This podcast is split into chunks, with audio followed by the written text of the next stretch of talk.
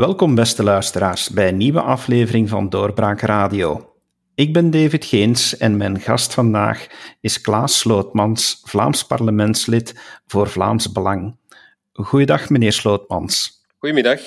Meneer Slootmans, ik contacteer u in verband met de faciliteitengemeente en de omzendbrief Peters. En ik denk dat het misschien handig is voor onze luisteraars om even eh, de geschiedenis eh, te situeren. Wat is nu net die omzendbrief Peters?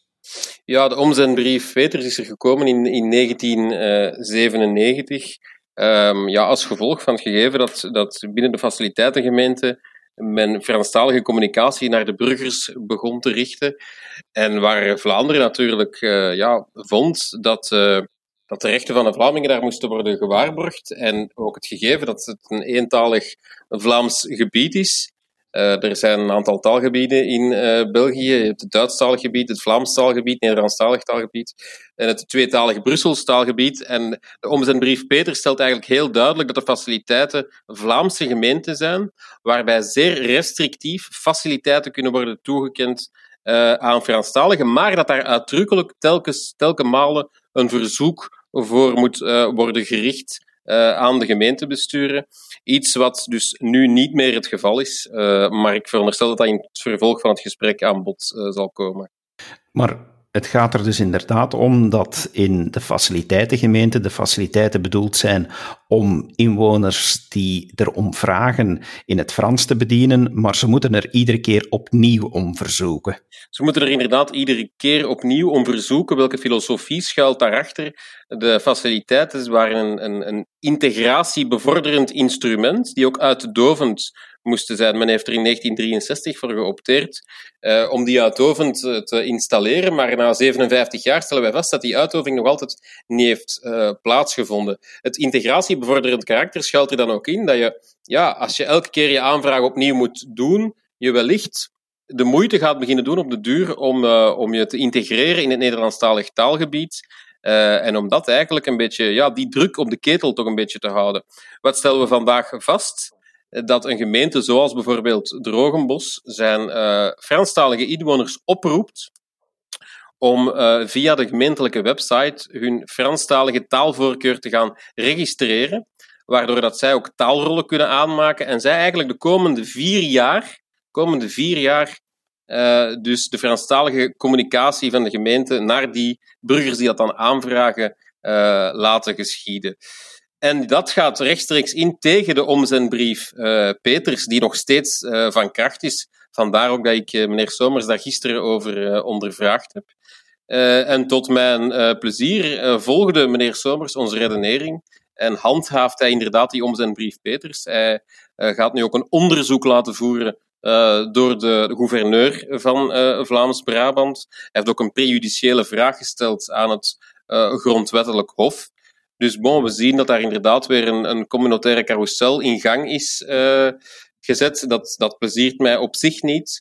Maar het gegeven dat de minister uh, toch van plan is om, om het gemeentebestuur van Drogenbos en ook andere gemeenten die, die gelijkaardige beleidsdaden stellen, om die op de vingers te tikken, om daar toch de omzendbrief te handhaven, dat, dat verheugt mij. Is het dan zo dat u en uw partij vinden dat het stilaan tijd wordt dat die faciliteiten uitoven? Wel, kijk, uh, als je bijvoorbeeld naar de uh, parlementaire handelingen gaat kijken van uh, 19, 1963 en ook naar de staatshervormingen daarna, dan zie je dat dat telkens is geponeerd of geïmplementeerd beter met het idee dat dat uitdovend zou werken. Nu, een uitdovende scenario, daar hebben wij telkens voor gewaarschuwd vanuit de Vlaamse beweging dat dat een, uh, dat dat een illusie was. En dat dat eigenlijk uh, een, een, een, wortel dat ons werd voorgehouden die we nooit zouden krijgen van de Franstaligen. En dat blijkt ook. Hè, de, de, de verwachtingen die toen zijn geschetst door de Vlaamse beweging, waarbij men zei, ja, dit gaat een aanzuigeffect genereren op, op Franstaligen, waardoor dat je als Vlamingen in, in een minderheid zal worden gedwongen. Ja, die zijn in overtreffende trap bewaarheid uh, geworden. Ik heb er gisteren de cijfers van kind en gezin nog eens op nagekeken. En als je dan de cijfers bekijkt, Sint-Geen-Suus-Rode, 86% anderstaligen. Uh, Wemmel 88%, Wezenbeek-Oppen 90%, Drogenbos uh, 90%. Ook bij de niet werkende werkzoekenden zie je dat daar uh, meer dan twee op drie van de niet werkende werkzoekenden, dus ja, de gewone werklozen, uh, daar mentaal achterstand Nederlands zitten. Dus ja, uh, het, het, die faciliteiten die, die hebben absoluut niet, niet gebracht wat, wat, wat de bedoeling was, namelijk een integratie Nederlandstalig taalgebied. Um, dus in die zin vinden wij dat we daar absoluut een lijn moeten onder trekken. Maar bon, ik stel mij logistiek op. De wet moet nageleefd worden. En voilà, ik baseer mij nu op de omzendbrief Peters, waarbij we binnen het wettelijk kader aan die Franstaligen gaan vragen om zich inderdaad aan te passen uh, en de gemeentebestuur van de gemeentebestuur dus te eisen dat zij zowel de arresten van de Raad van State als van het Grondwettelijk Hof uh, respecteren. U hebt inderdaad eh, langs één kant de wettelijke eh, zijde, maar u hebt, zoals u zelf ook aanhaalt, de feitelijke zijde. Vreest u niet dat men nu gaat aanhalen, ja, uh, kijk eens gewoon weg naar de feiten. Het is hier overwegend Franstalig geworden. Dit zijn geen faciliteiten gemeente meer. Ja, wat bedoelt u dan? Dat het de facto uh, Brusselse gemeenten zijn? Ik ben het, ik ben het, eens, met, ik ben het eens met die feitelijkheid. Hè. Ik heb de cijfers ook opgesomd. Je kan eigenlijk de facto zeggen dat, uh, dat de faciliteitengemeenten ja, een aan, aanhechtingsgemeente zijn geworden van het uh, Brussels gewest, maar dat zijn ze niet. het is natuurlijk zo, wanneer je waarschuwt voor een probleem dat zich gaat stellen, wat de Vlaamse beweging en mijn partij trouwens ook altijd gedaan heeft, en het dan ook realiteit wordt, om dan uiteindelijk te zeggen, ja, laat, het ons, maar, laat ons die strijd maar begraven. Het heeft toch uh, geen zin meer. Wij hebben nog altijd de wet aan de kant, de faciliteiten die je integraal uh, in Vlaanderen maken deel uit van het Nederlandstalig taalgebied. En ik zou de volgende opmerking eens willen maken. Er zijn ook faciliteiten voor Nederlandstaligen in Wallonië, onder andere Edingen, Vloesberg en uh, andere Waalse gemeenten komen waasten. Maar daar zie je helemaal niet de reflex van de gemeentebesturen om zich zo te gedragen eh, ten aanzien van de Nederlandstaligen. Je moet daar op de gemeentelijke website al gaan zoeken om je documenten in het Nederlands uh, te vinden. Dus omgekeerd geldt die filosofie van de Franstaligen nooit. De Vlamingen hebben ook nooit het idee gehuldigd dat wanneer zij bijvoorbeeld verhuizen naar Staat of Rebek of Itre in het uh, Franstalig taalgebied, om daar faciliteiten te, gaan, te gaan eisen, dat is altijd een Franstalige uh, gedachtegang geweest. Als je ergens gaat wonen, moet de ander zich aan jou aanpassen. Ik vind dat een schending van het terri terri territorialiteitsbeginsel uh, dat ingaat tegen het gegeven dat een mens zich aanpast aan zijn omgeving. Daar kan ik u helemaal in volgen. Vindt u dan nu dat er moet uh, ingegrepen worden in Drogebos en dat het uh, register dat men nu wil aanleggen, dat men dat uh, helemaal moet terugdraaien of moet vernietigen? Ja, absoluut. Hè. Dus de raadsbesluiten of de collegebesluiten, want dat is nog niet helemaal duidelijk, die daar aanleiding toe hebben gegeven, die moeten inderdaad worden vernietigd. Er zijn ook een aantal andere sancties uh, mogelijk. Men kan de burgemeester uit zijn uh, functie ontheffen. Men kan dat tijdelijk doen. Uh, Bart Somers is ehm, minister van Binnenlands Bestuur. Hij heeft bijzonder veel sanctioneringsinstrumenten om, om daar de, de gemeentebesturen die in overtreding gaan, om die eigenlijk te gaan te gaan, gaan bestraffen.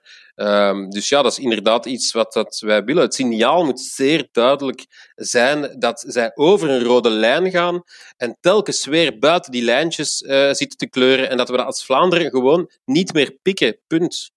Vindt u dat dat algemeen uh, buiten dat u en de faciliteitengemeente dat u moet blijven waken over de afspraken die gemaakt zijn over de taalgrens en over de taalwetgeving? Ja, ik denk dat zolang we binnen een Belgische context uh, redeneren, Vlaanderen altijd het uh, gelag zal betalen. Ik ben zelf een kind uh, van de rand, de gemeente waar ik woon, grenst aan drie faciliteitengemeenten. Ik heb de Franstalige dédain, de Franstalige dédain, de manier hoe er op ons wordt neergekeken, heel mijn leven ervaren.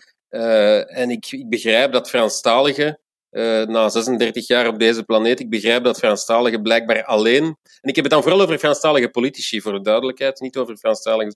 Dat Franstalige politici alleen de taal van de macht uh, respecteren. En zolang zij vaststellen dat zij buiten die lijnen kunnen kleuren, dat zij over die rode lijnen kunnen gaan, dan zullen zij dat uh, blijven doen. Getuigen de, ja, de tal van fratsen die de, de, de francofonen en vooral de FDF-gerelateerde burgerij, die zich toch nog altijd groot manifesteert in, uh, in de Vlaamse rand, um, ja, om die een halt toe te roepen. Hoe was u eigenlijk op uh, dit geval in Drogebos uitgekomen? Heeft iemand u verwittigd en gezegd van, hé kijk, dit gebeurt er in Drogebos en daar zou toch beter iemand de minister eens over aanspreken? dat is eigenlijk een heel goede vraag. Um, het was um, een sanitair bezoek waar de zes lag, dat mij daartoe heeft aangespoord, eh, als ik heel eerlijk mag zijn. U kent wellicht uh, de krant uh, De Zes het om de drie maand verschijnt. En daar stond een artikel ter zake over. En, en, vandaar, dat was de aanleiding. Had u verwacht dat minister Somers nog ging vasthouden aan de omzendbrief Peters? Wel ja, minister Somers mag dan wel van de VLD zijn. Hij heeft een verleden ehm, binnen de Volksunie, binnen de Vlaamse beweging. Dus ja, daar nestelt zich toch nog altijd enige Vlaamsgezindheid uh, in die man. En uh, dat bleek gisteren ook wel. Ik was toch wel verheugd dat hij eigenlijk volledig op onze lijn bleef. Ik had, het, ik had het niet verwacht. We hebben wel in het verleden een, een, een, een ervaring uh, met ministers van Binnenlands Bestuur. Denk maar aan Marino Keulen, denk maar aan mevrouw Homans. Die toch altijd die lijn redelijk goed bewaakt uh, hebben. En nu was de vraag, hoe gaat dat met Zomers zijn? Maar als ik gisteren zijn uh, poneringen mag geloven, dan stel ik wel vast dat, die man op, dat die man wel zijn best gaat doen om het Vlaams recht, enfin, het recht van de Vlamingen te, laten, te laten gelden. Maar bon, in the proof in the pudding is in the eating.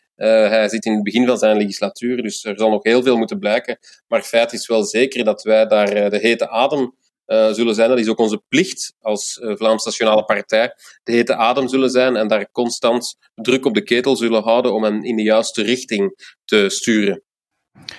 Meneer Slootmans, u bent nieuw in het Vlaams parlement. Zijn dit nu de dossiers waar dat u zich gaat in vastbijten? Of zijn er uh, nog gelijkaardige zaken waar, uh, waar dat uw aandacht naartoe gaat? Wel, uh, ik, ik ben eigenlijk een beetje diegene die destijds altijd naar Joris van Autem heeft opgekeken dan als, als mentor. Ik veronderstel dat vooral luisteraars van Doorbraak Joris van Autem nog wel kunnen, zullen kennen. Was de fractieleider van het Vlaams Belang en was ook de communautaire specialist in de partij. En ja, het is altijd een eer geweest voor mij om in die man, of toch een poging te doen om in die man zijn voetsporen uh, te treden. Dus ja, zeker en vast. Ik ben een kind van de rand en hier wil ik mij absoluut uh, in, vast, in vastbijten. Ja. Mooi om dat te horen, meneer Slootmans. Hartelijk dank voor de toelichting en om uh, zo waakzaam te zijn over deze materie. Beste luisteraar, we hopen dat u uh, nu ook weet dat uh, de omzendbrief Peters nog steeds wordt nagevolgd in de faciliteitengemeente. We zullen u zeker op de hoogte houden wanneer er nog verdere ontwikkelingen zijn in dit dossier. Meneer Slootmans, graag tot een volgende keer. Dag, bedankt. En u ook, beste luisteraar, graag tot de volgende podcast. Dit was een episode van Doorbraak Radio, de podcast van doorbraak.be. Volg onze podcast op doorbraak.be/slash radio of via Apple Podcasts, Overcast of Spotify. Bezoek ook onze website op doorbraak.be en steun ons door een vriend te worden van Doorbraak.